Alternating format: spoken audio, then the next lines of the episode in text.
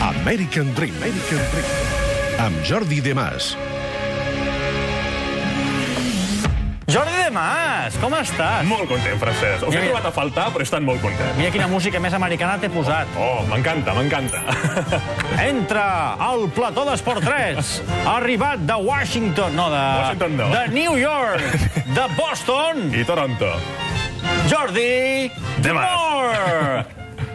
Has estat als Estats Units. estat als Estats Seguint Units. la teva estimada NBA. He complert un somni gràcies a... Bueno, ja explicaré, vaig anar amb una col·laboració gràcies a Endesa Basket Lover i, bueno, un somni fet realitat. La teva primera vegada a la NBA. Sí, sí, la Tant meva. parlar-ne i, i... Ha arribat, eh? i És ara- sorprenent. És millor del que esperava. Su- Ha superat les meves expectatives, totalment. No, no, totalment. digues, és... És espectacular, Francesc. Espectacular. Mira, mira-te-la. aquí. Això és a Tenim Boston, en el una- TD Garden. He de dir que sempre hi ha la llegenda que diuen que entres en aquest pavelló i mm, t'invaeix una sensació màgica. És completament real. Al pavelló em vaig disfrutar més. Aquí tenim una foto a Canadà, a Toronto. És espectacular. També és, bueno, impressiona quan està tot ple aquí, la, la gent apreta molt, eh, la gent menja molt també en el descans, hot dogs, hamburgueses, de tot. Hi ha una gran varietat. Què Eh? vas, què vas tastar, tu? Bueno, de fet, quan he tornat a Barcelona m'he aprimat dos quilos, perquè vam caminar. És sorprenent, eh? Viatjo als Estats Units, menjo allà hot dogs i tal, i me- vaig aprimar dos quilos. Aquí a New Doncs, York, De cop vindrem tu. en el Madison Square Garden, en el TD Garden, bueno, són uns pavellons realment, realment màgics i veure els jugadors tan a prop. Vaig entrar fins i tot als vestuaris, que estan els jugadors amb tovallola, eh, tal qual, estan allà, tu no els molestes i quan es canvien ja el pots parlar amb Vas ells. dutxar amb ells? O... No. Bé, escolta'm, uh, experiència americana fantàstica. Uh, Sí, sí, sí, sí. La setmana que ve, Et portaré una sorpresa. la setmana que ve, Una sorpresa, sí. em fas esperar una setmana, eh? Sí, et... per crear una mica d'expectativa, no hype, com es diu. Relaciona't amb aquest viatge. com, com? Hype, hype, Hype. hype. Esperem el high. Big things are coming, no? Oh, yeah. Sí, sí, oh, yes. uh, a veure, uh, les Big Things han començat ja. Sí, els play-off. Els play-off. Han començat els Amb play-off. Ricky Rubio. Amb Ricky Rubio, Que no sí, ho amb Ricky havíem dit Rubio. a principi de temporada. I amb Pau Gasol, també, que Pau Gasol... Bueno, han- han patit molt, eh, aquest any. Va, què, què, com ho tenim, això? Conferències. Comencem amb la conferència. Es comença l'espectacle, la carrera L'espectacle. per guanyar la, el campionat de la NBA. Ara són els partits realment intensos on tothom defensa el 100%. Aquí ja no hi ha tanking. Un sol error, no, no hi ha tanquin. Un sol error, t'envia a casa i ja està, eh? fins l'any que ve. Conferències, primera eliminatòria. Cleveland Cavaliers, que eren els grans favorits, bueno, un dels favorits per guanyar, tot i que aquest any no ho han fet gaire bé, van perdre de 18 punts contra Indiana Pacers. Un partit desastrós. Contra Indiana. Sí, sí, lamentable. A Víctor Ladipo, 32 punts. I atenció amb aquesta, amb aquest, amb aquesta dada que et vaig a donar. És el primer cop en tota la història que l'Ebron James en els play-off perd el primer partit inaugural. Mai havia partit al primer partit. Mai havia LeBron perdut. James,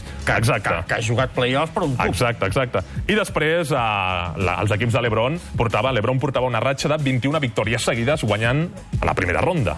I aquí ja, ja, ja han perdut. No perdien des del 2012. Bé, doncs uh, LeBron James i aquests... Uh, Jo crec, jo crec que guanyarà Cleveland 4-2. Cleveland que no- Jo apostaria al 4-2. eh, Però de moment com ho tenim? de moment, Indiana Pacers va guanyant 1-0 amb un partit. S'ha jugat un partit.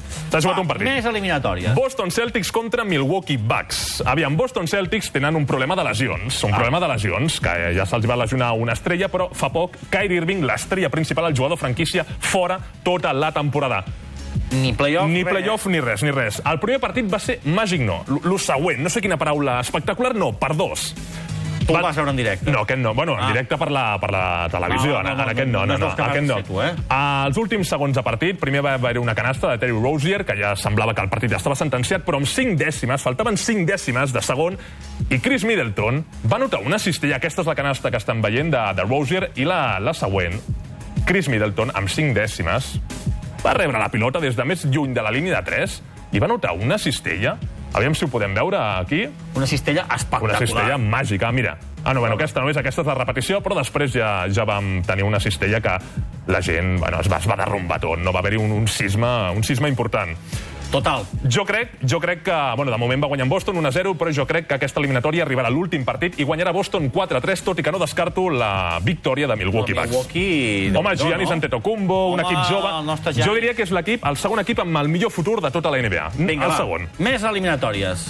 Philadelphia 76ers, de moment, van guanyant 1-0 contra Miami Heat. Philadelphia és un equip que té el millor futur de tota la NBA. Tens a Ben Simmons, el nou LeBron James, tens a Joel Embiid, que és el pivot, que no jugarà el- no ha jugat ni el primer partit ni el segon, però, bueno, Sixers poden arribar perfectament a la final de la conferència. i és- I aquí tens un logotip. Han canviat el logotip de cara Oh, als play-offs. Els què han dius? canviat. I per què? Per què? Per què canvien el logotip si el que tenien ja era molt, era molt maco? Doncs atenció, això fa referència a una caricatura del 1754 de Benjamin Franklin, un dels pares eh, fundadors no, dels Estats Units. sí, sí. I aquesta serp representa la unió de les colònies, no? que no, no havia d'existir aquesta fragmentació, sinó que havien d'estar tots units amb el lema Join or Die. O t'uneixes o mors. I després, també en el logotip actual, hi ha una campana que és la campana de la llibertat, que bueno, va sonar quan feien la, la lectura de la Declaració d'Independència. És Filadèlfia, tenen aquest sentiment de... Filadèlfia Ah, és la ciutat de... La ciutat de... del naixement, de, dels- la, del naixement. De, la, de la Unió. De la Unió, de la Unió. Molt curiós, eh? Molt curiós. Vinga, va, més. Més, Toronto Raptors, l'equip de Canadà contra Washington Wizards. Toronto va guanyar el primer partit, Toronto ja estan cansats de fer el ridícul perquè sempre en playoff, a temporada regular, fan una bona temporada, però després en playoff es fan, es fan petitets i la cosa no, no acaba de, de funcionar. Però aquest any poden arribar a la gran final, poden, Vinga. ja veurem, ja veurem. Conferència Oest. Anem a la conferència Oest. Golden State Warriors contra els Spurs de Pau Gasol. El primer partit, Sant Antoni no podia fer res. Domini absolut de l'equip que en teoria, bueno, l'actual campió de la NBA i que Eh, podria tornar a repetir la Ney. Domini absolut. Si tu de resumir amb aquesta única paraula, tots els jugadors... Sant Antoni no podia fer res. Uh, Sí, Gasol aquí... jo crec, aviam, jo no vull dir 4-0, però és probable que els hi facin un 4-0 i els escombren cap a casa. Més eliminatòries. Més, Portland contra New Orleans Pelicans, dos equips que ens poden... Sí, mig-mig, no? Sí, mig-mig. Ens poden oferir una eliminatòria molt intensa. Potser la més, la més sorprenent o la més interessant d'aquest- d'aquesta primera ronda. Va guanyar Pelicans en el primer partit amb una jugada...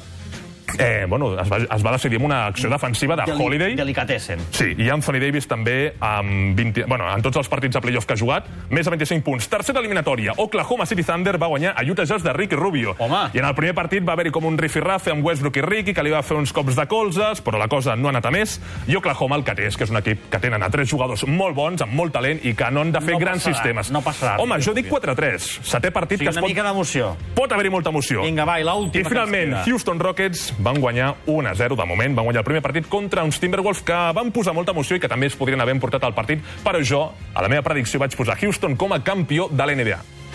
La setmana que ve, regal Algú hi haurà, algú hi haurà, Sorpresa. algú hi haurà, sí, sí, sí. sí. i actualitzem els Actualitzem, playoffs. Això ja fa actualitzem. xup-xup. De Mas, gràcies, benvingut Gràcies a de nou. Eh? vosaltres.